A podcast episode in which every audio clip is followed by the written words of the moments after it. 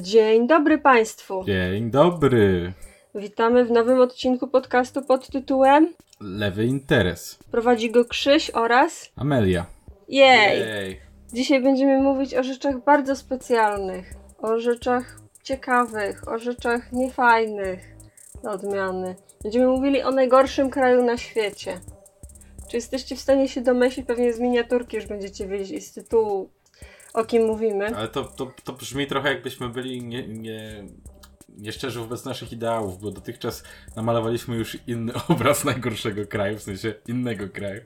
Ale tak, dzisiaj opowiadamy o czymś jeszcze gorszym. Tak, dzisiaj to jest ten kraj, który jest jakby tym apexem, jest najgorszy ze wszystkich. Jest tym, co pisarze science fiction w Stanach myślą, że Stany się staną, jak będzie dystopia. Jest nieironicznie miejscem z, z koszmarów. E, I jest to Arabia Saudyjska. A więc dzisiaj będziemy, mam nadzieję, chcielibyśmy, żeby ten odcinek był takim przewodnikiem. Wszystko, co musicie wiedzieć jako początkujący w tematyce saudyjskiej. Um, wszystko, co trzeba wiedzieć o tym kraju, jak, pod względem historycznym i pod względem tego, co się dzieje teraz w Jemenie, bo e, to jest temat, który trochę zszedł na plan trzeci czy czwarty w tym momencie, a ta wojna nadal się toczy i coraz mniej się o niej mówi. Później na sam koniec będziemy mówili o różnych strefach zajebistych, więc zostańcie z nami do samego końca. Mm, jeszcze tylko dodam, że w wersji YouTube'owej tego podcastu będą mapki i one myślę, że będą pomocne tutaj trochę. Więc jak ktoś słucha na Spotify'u albo na Google Podcast, to zastanówcie się, czy byście nie chcieli sobie włączyć też z mapkami wersji, bo może być fajna. I też y, dla osób, które słuchają nas wyłącznie na Spotify'u i na Google Podcast, y, tylko daję znać, że na YouTubie zawsze jest spis treści, więc jak chcecie sobie sprawdzić dokładnie, o czym mówimy przez cały podcast i sobie tylko na przykład część obejrzeć, to y, możecie sprawdzić sobie na YouTubeku. To w ramach wstępu, więc przejdźmy do tematyki saudyjskiej. Krzysiu, powiedz mi, co ty wiesz o, o tematyce saudyjskiej? Co, z czym ci się kojarzą Saudowie w ogóle? Myślę, że takim najogólniejszym skojarzeniem jest e, ropa naftowa i nierówności społeczne. Mhm, to dobre skojarzenia. To są takie moje dwa główne, główne, główne rzeczy, które pojawiają mi się w głowie. To jest, to jest jeden z tych krajów, które mają na przykład e, PKB e, na obywatela e, wyższe niż Polska, ale mhm. jakoś tego po ludziach nie widać. No, po niektórych widać. Po bardzo niektórych. Tak. widać bardzo po konkretnych jednostkach. Też, też gdzieś czytałem coś, co mi się bardzo spodobało, y, skąd pochodzi nazwa, że, że saudyjska, bo to brzmi jakby to określało jakiś rodzaj, a to określa przynależność, że to jest y, należące do mhm. Sauda. To jest też coś, co dla mnie zawsze nie brzmi zbyt dobrze, kiedy kraj jest prywatną własnością kogoś, bo mówi się tak na przykład. To brzmi jak coś, co powinno już nie istnieć gdzieś od 400 lat. I, i zawsze się tak mówi tego typu rzeczy o, o Korei Północnej, że o nie, ten kraj to jest własność jednostki, nigdzie indziej na świecie tak nie jest. A otóż jest, jest to kraj, z którym wszyscy utrzymują kontakty polityczne i, i wiele osób się, wiele, wiele krajów się serdecznie koleguje, a tymczasem no proszę. No proszę, no jak, właśnie. Jak się ma pieniądze, to można. Wszystko można. I właśnie myślę, że to jest, w sumie podsumowałeś resztę tego podcastu, już możecie w sumie nie słuchać dalej, bo to o tym będzie ten podcast, że jak się ma kasę, to w zasadzie można wszystko. Więc może zacznijmy od takiego rysu historycznego. Pewnie większość z Was wie, że islam się zaczął na terenie dzisiejszej Arabii Saudyjskiej, w Mekce i w Medynie. E, w dwóch miastach, gdzie Mahomet e, nauczał i tam sobie wojował również, bo to, w przeciwieństwie do pewnego stolarza on nie był z zawodu stolarzem, tylko był z zawodu panem, jakby wojem i posiadaczem ziemskim, między innymi. E, więc sobie tam wojował i jakby w ten sposób się na początku. Landlordzi, roz... najgorzej. Tak, był landlordem. Jebać go. Jebać. Islam był landlordzki. Tak, taki damy, taką damy miniaturkę. Ej, właśnie w tym momencie dostaliśmy e, kartę wyjść z więzienia, jak kiedyś jacyś prawicowcy będą nam mówili, tak, a czemu z muzułmanów się nie śmiejecie? To właśnie w tym momencie mamy wymówkę do końca życia, nie? Tak. Jakby jesteśmy, jesteśmy wolni. Jedna sprawa, że tak naprawdę chyba kłamiemy, bo on chyba akurat nie posiadał ziemi, tylko po prostu był jakimś tam zarządcą czegoś. Był, posiadał jakieś lenno tam, czy zarządzał czymś. Nie pamiętam dokładnie o co tam chodziło. To nie jest sedno tutaj. Ważne, że islam się rozwinął i on się rozwinął bardzo szybciutko. Między innymi właśnie dlatego, że no, chrześcijanie się cykali trochę przed wojowaniem, mieli ten swój pacyfizm i tak dalej a y, muzułmanie się nie cykali. I jak y, chcieli coś wprowadzić, to jechali najeżdżać i zapierdalać wszystkich, którym się coś nie podobało. No i y, szybciutko islam się rozwinął i w sumie przewijamy tutaj tysiąc lat, bo y, ten teren, na którym teraz jest Arabia Saudyjska, należał do wielu mocy, powiedzmy, takich międzynarodowych. I możemy też w sumie Was odesłać tutaj do odcinka palestyńskiego, bo to w zasadzie jest ten sam region tak naprawdę. I w zasadzie on przechodził bardzo podobne zawirowania, że też było, przez jakiś czas był otomański, przez jakiś czas był Mameluków, przez jakiś czas był brytyjski. Mm, I zaczniemy może to, tą historię od, od, od tego okresu po Brytyjczykach bo w, na początku XX wieku to miejsce się składało z y, takich paru królestw głównych. Wśród nich znajdowało się królestwo Nadżdu i Hidżazu. E, dwa takie główne królestwa, e, które teraz te, te regiony znajdują się na zachodzie kraju.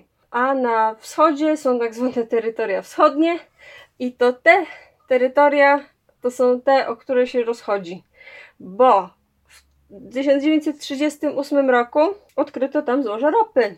To bardzo zmieniło gospodarkę, oczywiście. E, bardzo sprawiło, że Arabia Saudyjska stała się, przynajmniej jakby patrząc na sumaryczny produkt krajowy brutto, bardzo bogatym krajem, bo wcześniej była krajem wyłącznie polegającym na rolnictwie i ewentualnie utrzymywała się w jakiejś części y, pielgrzymów do Mekki. No a rolnictwo w tamtym rejonie tak, tak średnio, nie? Tak średnio. Mają parę. Dochodowe. 90% kraju pokrywa pustynia, jest parę oaz, ale na przykład co ciekawe, w Arabii Saudyjskiej nie ma żadnej stałej rzeki. Tam są wyłącznie takie, to, to się chyba nazywa Wadi. Mhm. I to Wadi to jest taka tymczasowa rzeka, która tylko się w chłodniejszych miesiącach uaktywnia a, a później wysycha. Więc założyciel dynastii, teraz mówimy o, o kimś, kto żył w XVIII wieku. Pod koniec XVIII wieku to jest bardzo ważna rzecz, że zaczął się ruch na terenie y, powiedzmy centrum kraju. Teraz Riyad, czyli stolica Arabii Saudyjskiej jest w centrum właśnie i to stamtąd się wywodzi y, dynastia Saudów. Y, I, I co ważne, Muhammad bin Saud, który jest założycielem dynastii, który zaczął jako pierwszy jakąś tam ekspansję, e, dokonał jej e, łącząc siły z Muhammadem e, ibn Abd Wahabem. To jest ten Wahab od Wahabitów, którzy dzisiaj są głównym ruchem religijnym w Arabii Saudyjskiej. Ta łączność i wzajemne dawanie sobie legitymizacji przez religijne, przez władzę religijną i polityczną jest do teraz bardzo obecna o, do mm. czego jeszcze przejdę. Że to, to są jakby A, dwie, dwie, e, dwie, strony tej samej monety. Spytać, czy, czy bo, bo, bo wahabizm to jest pododmiana sunnizmu, czy to jest jak, to, jak, w jaki sposób to, to się mm, wpisuje w ogólny nurt islamu? To jest ruch. To jest ruch. E, jeszcze, bo tak, Sunici się dzielą na cztery szkoły. E, nie pamiętam dokładnie jak się nazywają, wiem, że jest szaficka, jakaś mm, krótko mówiąc, szkoła wyznawana przez większość Saudyjczyków to jest salafizm, to jest ta najbardziej restrykcyjna, mhm. ale wahabizm to jest jeszcze ruch w obrębie salafizmu. Mhm, mhm, okay. To jest trochę tak, jak masz protestantyzm, a w obrębie jego kalwinizm, a w, w obrębie kalwinizmu jeszcze jakąś, jakiś wewnętrzny ruch no konkretnych no kalwinistów. I, I wyobraź sobie najbardziej pojebanych kalwinistów, jakich w życiu widziałeś.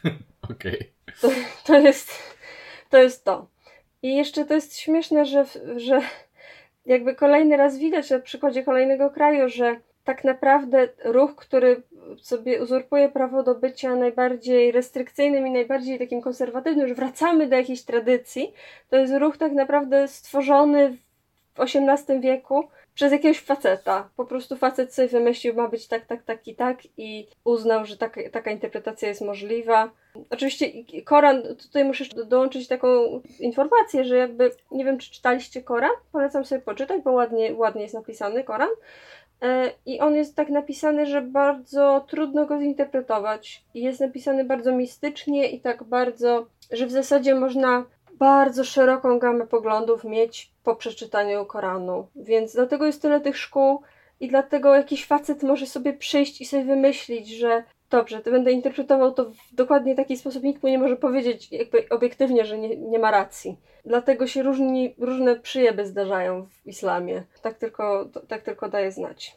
Okej, okay, więc y, teraz jesteśmy z powrotem w, w XX wieku. Mm, zaczyna się boom na, na, ropę. na ropę i kraj zaczyna się bogacić, ale mimo, że zaczyna się modernizować technologicznie, to nie zaczyna się modernizować społecznie.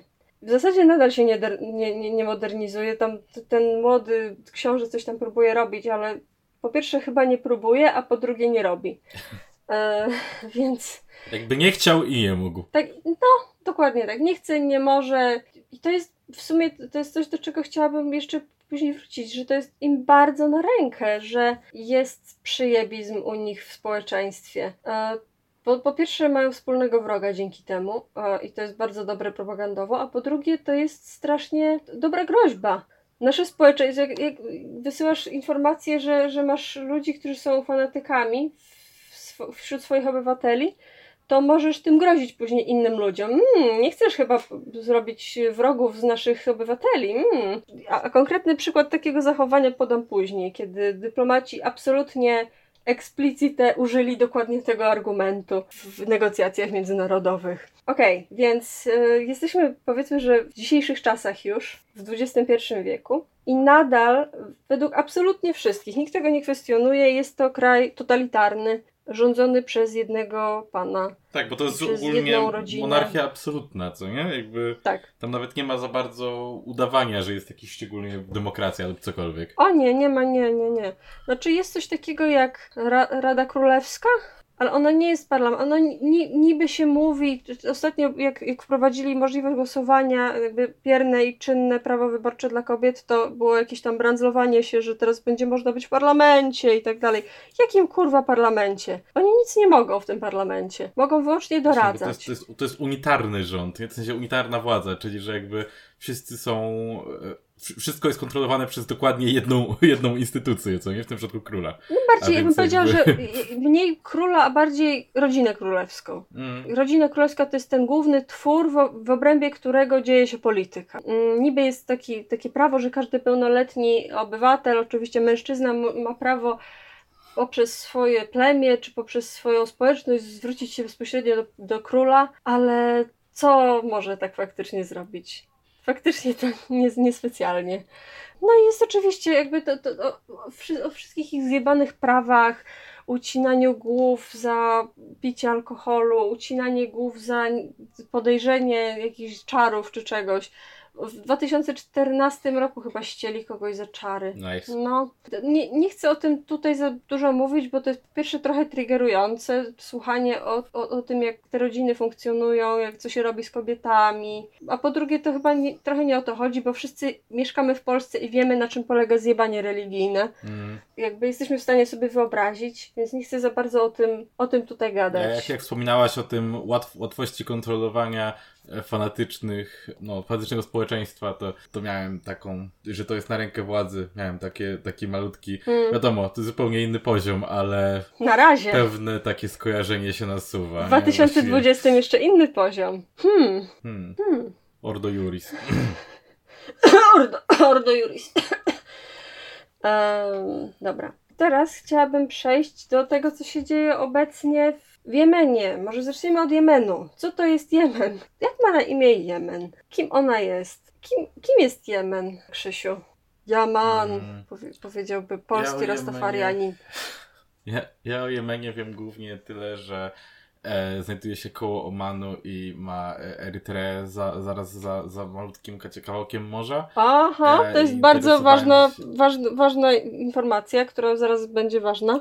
Bo, bo kiedyś, kiedyś czytałem o bardzo, bardzo śmiesznej akcji e, manewrów wojskowych z czasów II wojny światowej między żołnierzami angielskimi i włoskimi, ponieważ no, wymieniali się ogólnie w tamtych czasach ko- kolonialną władzą nad dokładnie tymi państwami, czyli Jemenem i Erytreą, ale niestety nie wiem wiele więcej tak naprawdę. E, wiem też, że dzieje się tam teraz bardzo źle od 2015 Mhm. roku, chociaż nigdy nie było zbyt kolorowo. Mhm, dokładnie tak.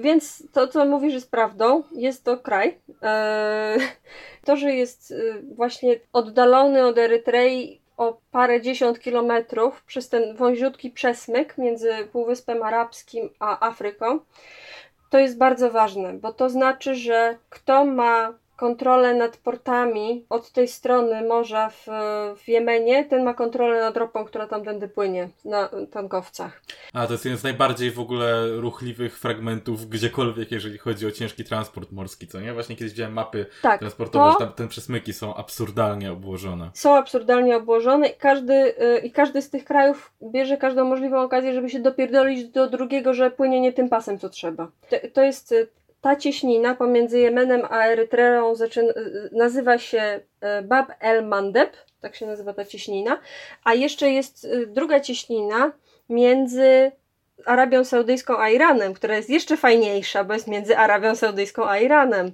I nazywa się Ormus albo Hormus według y, niektórych tłumaczeń. I właśnie Ormus jest ciekawy, ten, jakby druga cieśnina między Arabią Saudyjską a Iranem, bo jest jeszcze bardziej ruchliwa, a kraje się jeszcze bardziej nienawidzą. I jest ta wojna, zimna wojna pomiędzy Iranem a Arabią Saudyjską, która się bierze z tego, że po pierwsze Iran jest szyicki, a Arabia Saudyjska jest e, sunnicka, a po drugie dlatego, że jedno jest proamerykańskie, drugie jest antyamerykańskie. W sumie można by było tutaj też poświęcić jakiś, e, jakiś czas e, Iranowi, ale po prostu wystarczy, że powiem, że Iran ma dobre powody, żeby nie lubić Ameryki i Bry- Wielkiej Brytanii i Francji. Mm, Wygooglajcie sobie operację Ajax i to będzie jasne wówczas.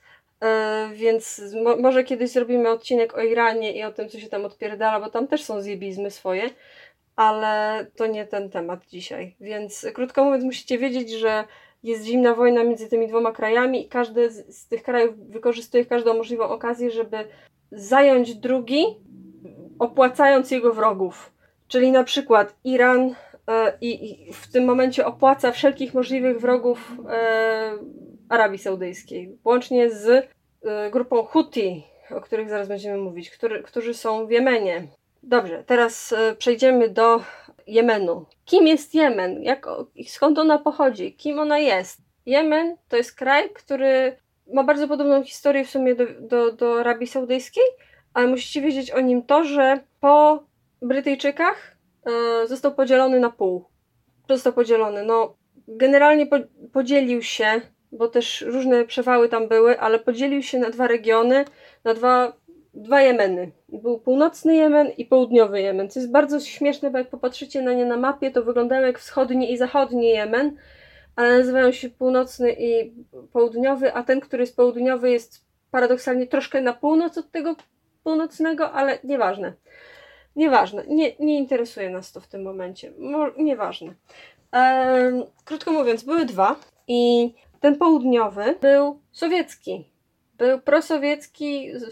Wcześniej przejęła tam władzę partia marksistowsko-leninistowska i wprowadziła tam zakaz poligami, zakaz bicia kobiet, zakaz y, małżeństw z dziećmi, zakaz y, czego tam jeszcze? No tych wszystkich zjebizmów, nie? E, generalnie. I, I o ile to był. Typowe lewaki, tu się skończyła ich tolerancja. O, o, oczywiście oprócz tego ten region był trochę bardziej pustynny i trochę mniej portowy, w związku z czym radził sobie ekonomicznie gorzej, więc oczywiście można to natychmiast wspaniale zwalić na to, że był komunistyczny. No jak? A na co niby? Po upadku Związku Radzieckiego, kiedy już ten komunistyczny Jemen nie miał sprzymierzeńców i nie miał za bardzo skąd brać kasę, to się połączył z tym drugim Jemenem, z tym, który był kapitalistyczny i bardzo islamski. Bardzo islamski, tak jak, e, tak jak Arabia Saudyjska. I połączyli się, i to, to jest w sumie ciekawe, bo ten Jemen komunistyczny był jedynym arabskim krajem komunistycznym w historii. Hmm. Nie było nigdy kraju arabskiego, który byłby właśnie socjalistyczny i to jest bardzo fajne, moim zdaniem. I fajne jest też to, i trochę wholesome jest to, że jakby można by się było spodziewać, że te kraje nie będą się lubić, te dwie połówki, ale były bardzo na chillku ze sobą i w ogóle nie biły się. Było tam jakieś jedno powstanie, które szybko się skończyło i bardzo polubownie i generalnie wszyscy na chillku sobie żyli i później w czasie połączenia tych państw nie było jakichś dram, że, że czują się jakoś nie, nierówni czy coś takiego. Ale do czasu, bo mieli i mają nadal mniejszość szyicką. I tak samo zresztą Arabia Saudyjska ma mniejszość szyicką i mają, uwaga, dokładnie tam, gdzie są złoża. Hmm. Hmm. Więc w Arabii Saudyjskiej było w ostatnich e, dziesięcioleciach bardzo dużo powstań, protestów właśnie na tych ziemiach, na których głównie na wschodzie, gdzie jest e, ropa i gdzie są szyici. Między innymi właśnie dlatego Arabia Saudyjska bardzo nie lubi szyitów. Normalnie jeśli chodzi o jakby mm, taki panislamizm, nie? Szanowanie wszystkich muzułmanów, pewnie gdyby nie ten problem ropy, to mieliby wyjebane na, na szyitów. Bo na przykład z, Mekką jest tak, że wpuszczają bez problemu Irańczyków nawet, mimo że z Irańczykami mają kosę, e, wpuszczają tam normalnie Irańczyków i to jest też e, to w sumie spoko, że ich tam wpuszczają, chociaż totalnie mogliby tego nie robić. Nie, bo uważają, że każdy, każdy muzułmanin ma prawo do pielgrzymki do Mekki. Ale to też wrócę do tego, ale to też ma swój, swój efekt bardzo taki przemyślny, e, propagandowy. Sytuacja z Jemenem była taka, że po arabskiej wiośnie, tam w 2011 roku, wywalono stamtąd prezydenta Saleha. Prezydenta Jemenu, który był tam od 90 roku, był wiecznym prezydentem, no bo oczywiście. był tam sobie tym wiecznym prezydentem. Jak ktoś jest wiecznym prezydentem, to w zasadzie wiadomo, że jest skorumpowany i zjebem jest, więc go wywalili przy pierwszej możliwej okazji w czasie wiosny mm, arabskiej, właśnie wtedy, w 2011 roku. No i miał trochę ból dupki o to. Więc ponieważ przez lata w tym regionie, w, w Jemenie, ci Huti, czyli, czyli szyici, protestowali, bo czuli się dyskryminowani i pewnie byli dyskryminowani przez, e, przez sunnicką większość, to on się do nich podczepił i postanowił pomóc im zrobić zamach stanu. Uhu. Tutaj muszę dodać taką jedną rzecz, że Huti, normalnie jestem wielką fanką szyitów. Ja nie będę się tutaj roz, rozpływać nad szyityzmem, jakby może poświęcę islamowi jakiś osobny odcinek, ale generalnie szyici są git i jak ktoś jest antyamerykański, a Huti są antyamerykańscy, jak ktoś jest antysyjonistyczny, to, to ja normalnie normalnie bym krzyczała juchu i klaskała rękoma, ale ci kolesie nie są, nie są, nie są spoko. Nie są, po prostu nie są spoko. Huti, ja ich nie, nie jestem wielką fanką Hutich. Głównie dlatego, że są bardzo, ba, kompletnie mają wyjebane na swoją y, ludność cywilną i też na to, że ko kolegują się z właśnie Salechem, który jest bardzo skorumpowanym chujem, którego wywalono z urzędu nie bez powodu. Okej. Okay. To, to w ramach jakby rysu tego, co się potem zaczęło. Więc Saleh do nich dołączył, do tych Hutich. I tutaj muszę dodać, że ten teren, na którym są Huti, to jest ten teren, który właśnie jest od strony ciśniny Bab el-Mandeb. To jest właśnie ten newralgiczny rejon, którego bardzo nie chcę. Tej południowo południowo-zachodniej. Tak, południowo-zachodniej. I, I dlatego wszyscy są strasznie nerwowi. Bo wszyscy bardzo nie chcą, żeby antyamerykański i anty, anty wszystko, antyimperialistyczny podmiot miał kontrolę nad portami, które e, są właśnie w takim miejscu. W 2004 i 2014 roku były właśnie rebelie Huti, a później się zaczęła ta główna, to główne jebut, które, które teraz nadal trwa i które jest wojną w Jemenie. No i dzieją się różne przetasowania generalnie. Jeszcze w międzyczasie jebnęło im wielką plagę Al-Kaidy, która im się rozwinęła strasznie dużo. W 2018 roku, z tego co widziałam na mapie, to gdzieś jedna czwarta całego terytorium była kontrolowana przez Al-Kaidę I jest ta walka pomiędzy, pomiędzy Huti, którzy są wspomagani przez Iran i ludźmi, którzy są jakby przeciwni im, czyli większość, całej koalicji krajów arabskich, sunnickich i Ameryki i Wielkiej Brytanii i wszystkich imperialistów jebanych. No i generalnie to w tym momencie już zdążyli odbić same terytoria nadmorskie od Hutich, że jakby jak się patrzy, trochę wygląda to tak jakby um, Huti byli bardziej enklawą niż połówką, byli, są bardziej takim kółeczkiem w obrębie, w obrębie tego, co jest kontrolowane przez, przez rząd. No tutaj jesteśmy w tym momencie, że większość, większość terytorium jest jednak kontrolowana przez rząd. Al-Kaida została trochę wyparta, ale nie całkiem. Mm. I co, co najważniejsze, ten główny port, który był najbardziej jakby niebezpieczny, najbardziej newralgiczny, został przejęty przez rząd. Jeszcze jest tam coś takiego, co się nazywa Południowa e, Rada Tymczasowa, która jest, ma poparcie bodajże Zjednoczonych Emiratów Arabskich, które tam się wstrzymywały i nie chciały się za bardzo mieszać, ale teraz jakoś chcą się mieszać w, to, w tą najmniejszą możliwą siłę, która tam jest. Nieważne. Jest tam dużo różnych podmiotów i wszyscy się nienawidzą i w zasadzie nie kibicuję, ja osobiście nie kibicuję nikomu. Kibicuję wyłącznie cywilom, Bogu ducha winnym. Tutaj jeszcze chciałam dodać, że Saleh został zabity w 2017 roku przez snajpera Hutich, bo uznano, że za bardzo się kompluje i umizguje do koalicji zachodnio-sunnickiej. Także uważajcie, jak tańczycie, parkiet zamachów stanu bywa śliski. A prowadzi mnie z powrotem do Stanów Zjednoczonych i Arabii Saudyjskiej i Iranu. Um, bo na przykład, y, jakby, żeby zilustrować to, o co się toczy walka, na przykład to, co robi Iran, to często porywa, porywa tankowce. To normalnie, elo, proszę natychmiast zawinąć do naszego portu, bo storpedujemy. I, i, I zabierają im ropę.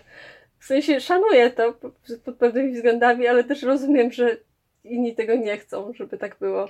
A z drugiej strony to, to jest incydent, o którym pewnie dużo ludzi słyszało, ale na wypadek, gdyby ktoś nie słyszał, e, ponieważ tam są nieustannie patrole amerykańskie i brytyjskie, to czasem amerykańskie paluszki się troch, troszkę powiną i troszkę będą nadgorliwe. I raz się zdarzyło, że amerykański okręt zestrzelił samolot pasażerski i zabił 300 osób. E, to był samolot Iranu, więc Iran był trochę zły no dobra, i teraz jesteśmy w, w tej sytuacji, że dlaczego to jest ważne dla świata generalnie? E, mam wrażenie, że dużo ludzi trochę sobie nie, nie uświadamia, jak bardzo te mocarstwa zachodnie są wplątane w politykę saudyjską i w tym momencie są tak wplątane, że już nie są w stanie się rozplątać. Na przykład e, Pewnie wiecie, że w 2015 roku e, USA zawarło deal z Iranem, żeby się rozbroili jądrowo. I, i, przez, to, i, i przez to, że jakby znaczenie Iranu wzrosło no, za sprawą tego dealu, musieli sprawić, żeby Arabii Saudyjskiej nie było smutno, że robią deal z Iranem. Dlatego musieli wesprzeć z Arabię Saudyjską w, w, w, wojnie z e, Jemenem, bo po prostu musieli coś im dać. Musieli sprawić, oprócz tego, że chcieli im sprzedać po prostu bomby, bo fajnie jest móc sprzedać bomby, to jeszcze musieli im jakby, no nie gniewaj się, jejku, dam, i, i na przykład USA robi takie misje, że e, tankują, tankują myśliwce Saudyjczykom, że, że te samoloty nie muszą w ogóle lądować, mogą latać w kółko i bombardować cywili i, i, i, zestrzy- i tam patrolować, coś tam jeszcze robić. Y, nie muszą w ogóle lądować, bo zawsze ich tankują samoloty z hmm, Ameryki. Kochani są. To jest, to jest, Bardzo jak, miło. Wiesz, jak, jak, jak to mleko dla dzieci w szkołach, to tutaj ropa dla bombowców. A nie, czekaj, jakie mleko dla dzieci w szkołach w, kraju, w Ameryce? Przecież to jest, to jest kraj czwartego świata, tam nie ma takich rzeczy. Jasne, oczywiście. Mm.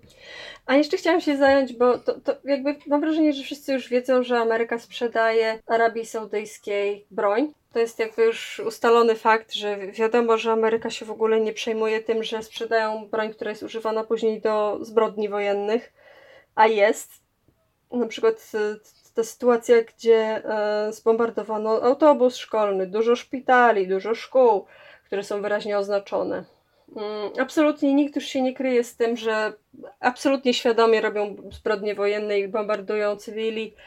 Nikt, nikt w ogóle w to nie wątpi. Ale chciałabym jeszcze wspomnieć o tym, jak bardzo Wielka Brytania jest w ogóle wplątana w politykę saudyjską, bo w 80 bodajże 5 roku Margaret Thatcher podpisała e, deal, który się nazywał e, Al Yamama, który trwa do dzisiaj. E, I deal polega na tym, że Wielka Brytania popiera Arabię Saudyjską w każdym konflikcie i daje jej broń. Arabia Saudyjska płaci w petrodolarach i płaci dużo i szczodrze. Fajnie, nie? A jeszcze, co jest bardzo, to a propos tego, co mówiłam, że to jest, do, że, że, posiadanie zjebów w swoim kraju to jest dobry straszak.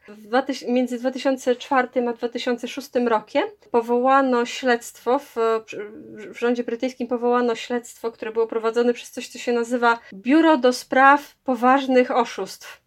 Dosłownie, Serious Fraud Office. I to śledztwo badało, że generalnie to był mafijny deal, w którym, nie wiem, zapewniano prostytutki książętom e, saudyjskim i e, duże łapówki i duże, dużo pieniędzy się gubiło nie wiadomo gdzie e, i było używa...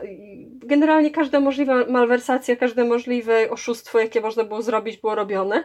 I bardzo publicznie to śledztwo zostało umorzone ze względu na tak zwane dobro publiczne. Mm. I ktoś, kto był wtedy w, jakby w tej komisji, która brała w tym udział, później powiedział, że saudyjski dyplomata im powiedział, że o mój Boże, jeśli tak będzie dalej, jeśli będziemy w taki sposób negocjować, to będziemy zmuszeni odciąć was od naszych informacji kontrwywiadowczych dotyczących terroryzmu. A Bóg wie, co się może czaić w naszych obywatelach. Oj. Oj, oj, oj. Hmm. Bardzo, bardzo źle. No nie? Jakby oficjalnie zagrozili, że zrobią im 9-11 i tam ci powiedzieli, okej, okay, dobra, to już zawieszamy. I jeszcze to, to była, sytuacja wtedy była taka, że e, BAE, czyli ten, jedna z tych głównych firm, które produkują właśnie zbrojeniówkę dla Wielkiej Brytanii i też sprzedają to e, do, do Arabii Saudyjskiej, wtedy właśnie negocjowali sprzedaż tajfunów a z tajfonami było tak, że jeszcze, bo wydaje mi się, że Eurofighter, Eurofightery, te pierwsze tornada były jeszcze robione za pieniądze brytyjskie, tak po prostu za pieniądze brytyjskie, że było ich stać na zrobienie swojej własnej zbrojeniówki, ale potem po prostu brakowało im kasy Brytyjczykom, więc musieli, jakby jedynym, jedyną możliwość, żeby stworzyć sobie broń, to było, żeby sobie wcześniej zapewnić fundusze od Saudyjczyków, żeby dali im kasę na to, żeby stworzyli tą broń. Jak taki startup, nie? Że szukasz, szukasz mhm. inwestora i jak masz hajs, to zaczynasz rozwijać inwestora produkt. Inwestora anioła. Tylko że, tylko, że produkt służy do wysadzania dużej liczby cywilów naraz. Tak, tak. I tak właśnie powstały tajfuny przez y, Angel Investors. A właśnie, y, zgadnij jaka jest nazwa operacyjna Eurofightera w, w Arabii Saudyjskiej. Ej, czekaj, coś tam słyszałem. To była jakaś taka typu pokój, czy tam... Dokładnie, pokój. Pokój. Nazywał się Pokój i sam deal się nazywał Alia Mama i Alia Mama to znaczy gołąbek. Gołąbek pokoju. Tak. Ministerstwo Pokoju wysyła bombę na twoją szkołę. I, i, a, i właśnie było e, coś takiego, że to BAE, czyli ta brytyjska firma, też e, się przyznała do generalnie przestępstw księgowych i kłamstw w każdej możliwej kwestii. E, w 2010 roku zapłacili jakąś śmieszną karę i tyle. I generalnie to w Wielkiej Brytanii teraz jest takie prawo, że każą im, że generalnie jak, nie, jak rząd się spodziewa, że broń zostanie użyta do zbrodni wojennych, to nie może jej sprzedać, więc sprzedają ją zamiast tego Ameryce, a Ameryka już nie ma takiego prawa, więc Ameryka po prostu jest słupem, przez którego się sprzedaje tą broń. Ja pierdolę, ale to jest to jest Ale to tak nie, nie, nie wszystko. Ale no. trzeba zobaczyć, że Ameryka też dokonuje zbrodni.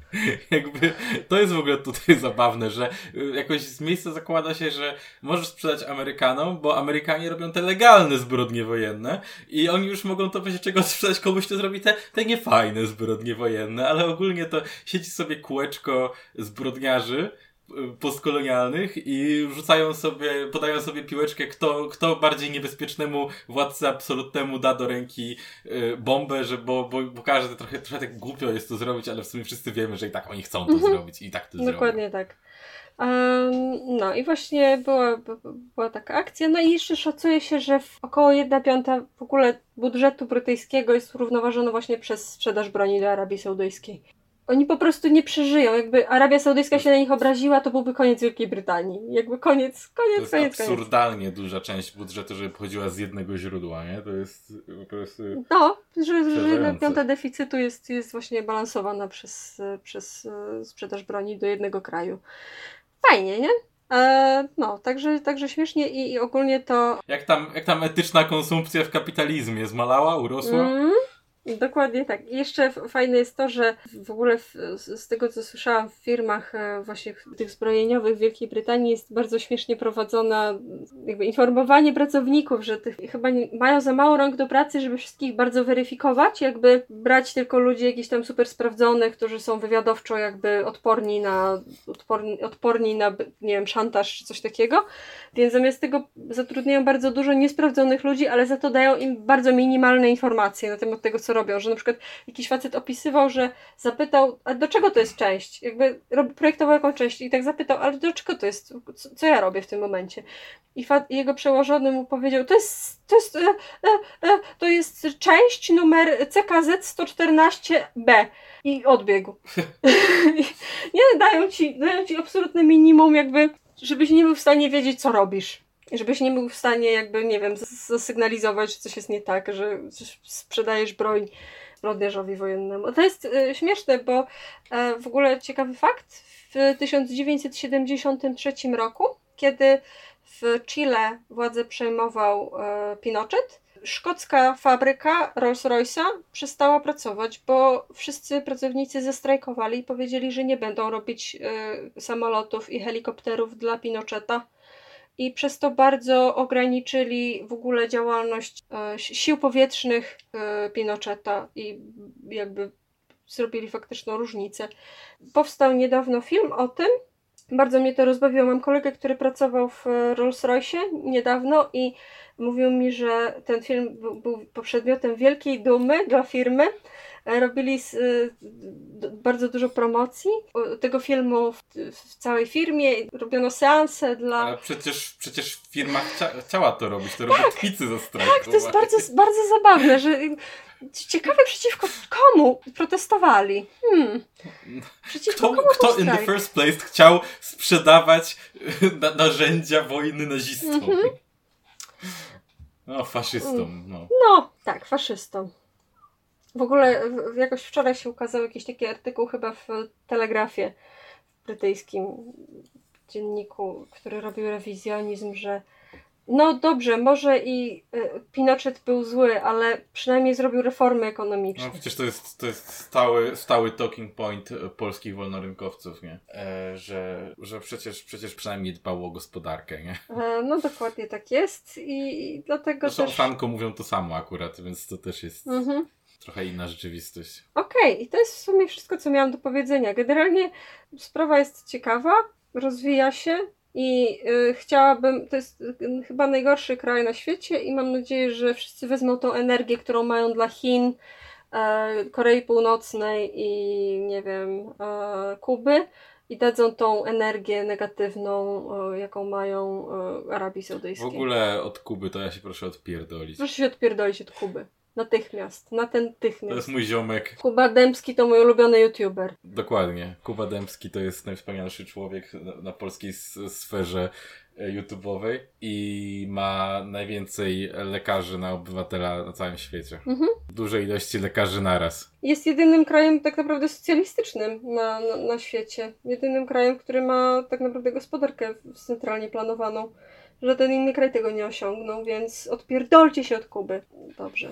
O, i to jest, y, to jest mój wywód na temat y, Arabii Saudyjskiej. Jeszcze mamy ciechciałych strefę zajebistą. Mamy dwie strefy zajebiste, które są bardzo ciekawe i które są bardzo fajne. Jedna jest tradycyjnie w Stanach Zjednoczonych, a druga jest dla odmiany w Rosji. Którą chcesz najpierw, Krzysiu? Mm, daj amerykańską, bo rosyjska y, będzie mnie trzymała na krawędzi siedzenia do samego końca. Okej. Okay. Amerykańska jest taka, że w Portland od 52 dni bez przerwy są protesty. Portland to jest bardzo biały, miasto. Super białe miasto, w którym w ogóle chyba jest 2% niebiałych ludzi i wszyscy są super liberalni e, i wszyscy są super, nawet można powiedzieć, że lewicowi, nawet jak na Stany Zjednoczone, oni są lewicujący, tak serio. I są tam te protesty i one są takie bardzo zgentryfikowane, takie super milusie, że białe panie siedzą i śpiewają. Nie, wszystko jest takie, o jejku, mm, takie bardzo respektable. Mm, ale no oczywiście zdarzają się zamieszki i szczególnie zamieszki były parę tam tygodni temu. E, I one były wystarczającym pretekstem, żeby y, policjanci bili ludzi i łamali im ręce. Ostatnio była taka akcja, że jakiś weteran, zajebisty w ogóle był ten film, weteran wyszedł, żeby tam na nich nakrzyczeć, zapytać, czy wierzą w konstytucję, czy coś takiego i zaczęli go naparzać pałkami, a on jest takim wielkim bykiem potężnym i czadem, że w ogóle się nie wzdrygnął złamali mu jakieś trzy kości ręki i w ogóle się nawet nie, nie, nie mrugnął. E, I po prostu się odwrócił, jak mu psiknęli gazem w twarz i poszedł. e, i, i, i, także szanuję go niesłychanie. Mimo, że weteran. Ale krótko mówiąc, mi, mimo, że weteran, tak. Mimo, że weteran szanuje go. I jeszcze później bardzo rikczowo mówił w wywiadach, że wyłącznie się nim interesują, dlatego że jest białym weteranem. Jakby był czarnym weteranem, to by go olali cienkim sikiem. Więc pan jest z Rickczem, szanuję go. Um, no, ale generalnie w Portland dzieją się rzeczy bardzo słabe, ponieważ e, po pierwsze policjanci psikają ludzi gazem i łamią im kości rąk, zostanie na ulicy. A po drugie Trump, e, ponieważ te protesty się przedłużają, skazał uruchomić coś, co się nazywa formacja, która się nazywa funkcjonariusze federalni. To się niespecjalnie tłumaczy i to się ludzie to mylą chyba z FBI, bo to brzmi, że federalni to musi być federalne biuro czegoś tam.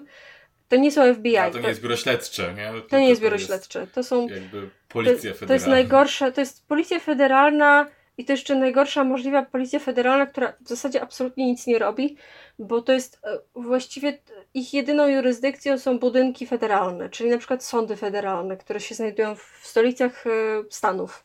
I Portland właśnie ma jeden chyba taki budynek, czy dwa takie budynki, w tym budynek sądu federalnego.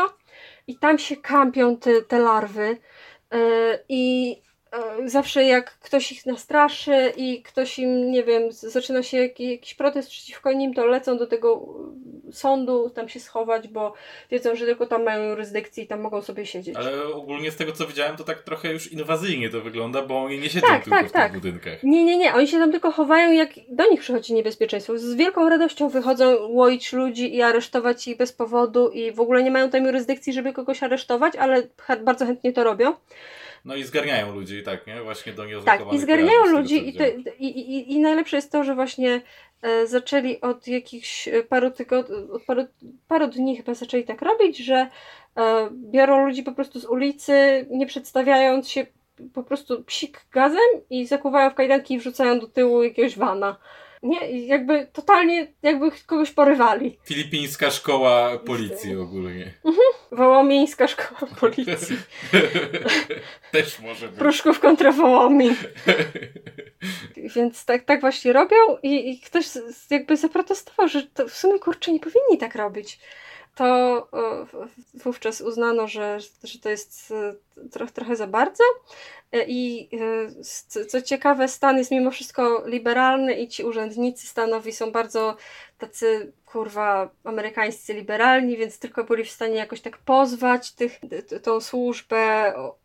Ten pozew będzie oczywiście trwał latami, zanim on się rozwiąże, to już wszystko będzie po ptakach. E, no więc ludzie się wkurzyli zaczęli protestować już zaczęli tak poważnie protestować, że zaczęły się jakieś tam rozruby. E, więc policja oczywiście eskalowała, zaczęła jeszcze bardziej strzelać gumowymi, gumowymi kulami i tak dalej. E, wszystko eskalowało i w końcu wyszedł do nich burmistrz, który, którego wszyscy nienawidzą, bo jest liberalną chujową. Bardzo źle sobie radzi generalnie w tej sytuacji i bardzo, e, on jest też komisarzem policji, więc e, on jest odpowiedzialny za wszystkie te przypadki, kiedy policja kogoś spałowała bez sensu i wszyscy go chcą, żeby zrezygnował generalnie. No i on w końcu do nich wyszedł. E, z okazji tego, że w tych federalnych nasłał im, im Trump. Mm. I oni tam na niego krzyczeli, zamknij mordę, stul pizdy, pizdo. E, I w końcu on powiedział, tak trochę chyba nie było to planowane i powiedział w końcu, dobra, to ja dołączę do was na linię frontu, wyjdę z wami protestującymi, jak was zagazują, to mnie też zagazują. Chyba z, taką, z takim przeświadczeniem, że nie będą go gazować, ale natychmiast dostał gonga gazem. Natychmiast tak się zapluł, kurwa, tak się, jak się obrzygał, kurwa, a, jaka mu Brecht, kurwa, jak mu poleciał. Potem połowę wyżygał, połowę, kurwa, nie pamiętał. E, więc e, była to bardzo śmieszna sytuacja i wszyscy, wszyscy się z niego nabijali. Jak tam, jak tam Ted, jak tam, jak tam się bawisz na proteście, jak tam? E, bo szczególnie się śmieją z niego, bo to jakby, znaczy fajnie, że do nich poszedł, to była fajna ustawka, ale też wszyscy wiedzą, że to jest ustawka, bo jak jego policjanci robili dokładnie to samo, to nigdzie nie szedł.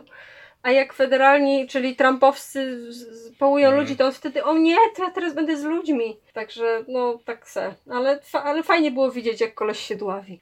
Ech, więc tak, to jest, to jest strefa z Ameryki i jeszcze jest druga strefa w Chabarowsku. Chabarowsk to jest e, miasto, to jest region położony przy samych Chinach, na samym wschodzie Chin, jakby na północny wschód od Chin. E, to jest przy samym Pacyfiku, jakoś 300 km od Pacyfiku, więc bardzo daleko od, od cywilizacji, od, od, od Moskwy przede wszystkim. I to, że on jest daleko od Moskwy jest ważne, bo to oznacza, że partia Jedna Rosja ma dość słabe wyniki w tym regionie. Jest, ma słaby kontakt w ogóle z tymi wyborcami. Więc ludzie często głosują na jakby inne partie z tego bloku, bo oni oczywiście mają takie partie, jak były te fasadowe partie w, w PRL-u, nie? Że partia, jak ona się nazywa, partia robotnicza, partia jakaś tam jeszcze, które tak naprawdę były wyłącznie fasadami PZPR-u i, i, i, tak naprawdę głosujesz tylko nominalnie, a tak naprawdę tylko wyrażasz jakiś tam mhm. sprzeciw, ewentualnie głosując nie na PZPR, to oni mają coś takiego, tylko że akurat ta partia, która jest dominująca w Chabarowsku, to jest partia e, liberalno-demokratyczna, to jest ta od Żyrynowskiego. I oni tam bar generalnie bardzo wy wygrywają i Putin ma takie średnie wyniki, znaczy nadal trochę wygrywa. Ostatnio jak było to referendum dotyczące, referendum e, konstytucyjne, żeby mu dać prawa cesarza e, Wielkiej Rzeszy Rosyjskiej i dać mu nieśmiertelną władzę i dać mu prawo do picia krwi młodych niemowląt, to jakby oni nadal zagłosowali za nim. Chyba 60% głosujących zagłosowało za tym, ale chyba po prostu frekwencja była bardzo niska. Jakby ludzie Myślę, że ludzie tam głosują tak, że albo wierzą, wierzą we władzę i wtedy idą i głosują na tak, albo nie idą w ogóle. E, więc, e, więc generalnie wygrali mieli bardzo słabą frekwencję, mm. mm. co im się bardzo nie podobało. No i teraz sytuacja jest taka, że mają tam bardzo popularnego gubernatora Chabarowska. Facet się nazywa Siergiej Furgal i z tego co słyszałam, bo rozmawiałam o tym ze znajomą Rosjanką, jest bardzo popularny. Jest bardzo, jest w zasadzie uniwersalnie lubiany przez wszystkich. E, miał jakieś bardzo takie, kurczę, trochę nie chcę tego nazywać, że populistyczne, ale takie bardzo klasowo świadome, powiedzmy, dofinansowanie posiłków w szkołach, jakieś takie bardzo przy człowieku rzeczy, mm. które sprawiają, że ludzie go lubią. I... Taką sensowną jakąś politykę prospołeczną, tak? Tak, znaczy to sensowną, no taką trochę kurde powierzchniową, ale no dobra, powiedzmy. Taką, mm. skojarzyło mi się trochę z tym, co, co PiS robi. E, mm. Nie takie, e, no dobra, okej, okay, Nie sięgamy do, sięgamy do źródła problemu, tak, ale przynajmniej coś tam jest na 500 plus, trochę, to, trochę coś w tym stylu.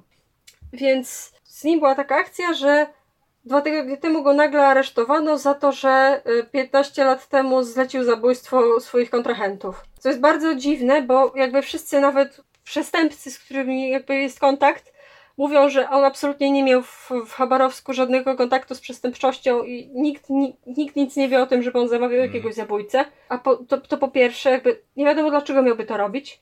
Jakby wszyscy, wszyscy jakby sądząc po jego charakterze, mówią, że po prostu nie jest takim typem osoby, który by zlecił zabójstwo. Po prostu nie. jakby myślę, że nie jest to, nie jest to dla mnie bardzo mało prawdopodobne, żeby znać osobę i sobie o niej Nasza sądzić. polityka, że... nie? Ona raczej nie zleciła zabójstwa. To, to jest polityk, więc jakby rozumiem, że może być też trochę, hmm. jakby nie wiem, jakby ja rozumiem, że w tym, tej sytuacji jest dużo, dużo, inne, dużo innych wyjaśnień, ale jednocześnie ja, ja nie mam tendencji do ufania politykom, a zwłaszcza rosyjskim politykom, ale... Ja nie mam tendencji, ale jakby mam takie wrażenie, że to brzmi tak e, wygodnie Mm. dla Putina, że też mi też temu nie wierzę za Tak, w bardzo. sensie jakby co, Nie wiem. jest bardziej prawdopodobnym jednak, e, to, no, po 15 latach nagle wychodzi bardzo podejrzana, dziwna sprawa, mało prawdopodobna. No, A i jeszcze tak, jest no, taka masz śmieszna sytuacja, że e, właśnie te. U nich się przedawnia po 15 latach zabójstwo. Już się właśnie przedawni, przedawniło i za, z, teraz go zamknęli za, za, za przedawnione przestępstwo.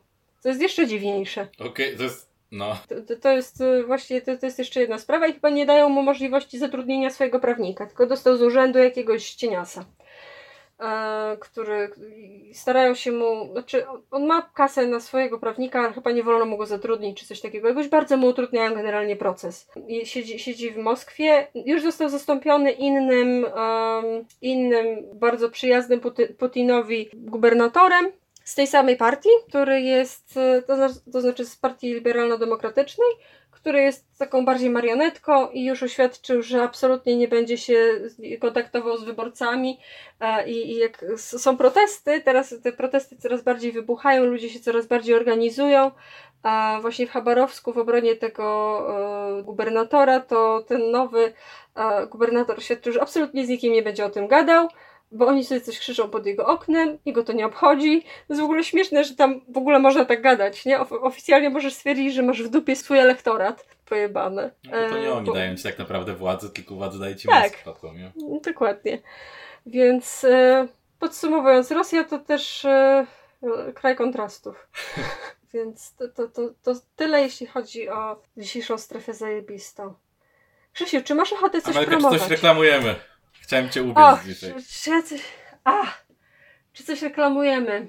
Ja bym chciała reklamować.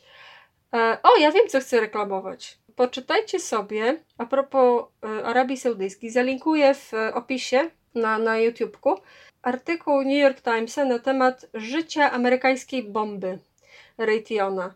E, to jest bardzo długi artykuł, ma 60 stron, ale bardzo polecam go przeczytać, bo on opisuje jakby z perspektywy cywila to, jak wielką tragedią jest ta wojna dla Jemeńczyków i jak wielką krzywdę powoduje bomba. Bo mam wrażenie, że dużo ludzi sądzi, że bomba to jest takie ciach i nie żyjesz. Większość ludzi przeżywa. Albo większość prze- przeżywa na tyle długo, żeby to była dla nich długa, niesłychanie bolesna agonia. Więc tak naprawdę nie tylko przyzwalając na takie zbrodnie wojenne, nie tylko przyzwalamy na śmierć ludzi, ale też na powolną torturę wszystkich w społeczeństwie, które tam żyje. Więc bardzo polecam ten artykuł, bardzo, bardzo informacyjny, bardzo poruszający. Mm, Nie jestem w stanie go całego przetłumaczyć, bo ma 60 stron, ale e, bardzo go polecam. A ty, Krzysiu, chcesz coś promować? Mm, no chciałem jakieś takie pozytywne coś na koniec, ale teraz już tak trochę głupio po tym, co ty zareklamowałaś, więc ja sobie chyba dzisiaj odpuszczę. Okej. Krzysiu ma dzisiaj straszny ból głowy. To ja to rozumiem bardzo. To prawda. Krzysiu umiera dzisiaj. To dziękujemy Państwu bardzo. Dzięki! Pa, pa! pa.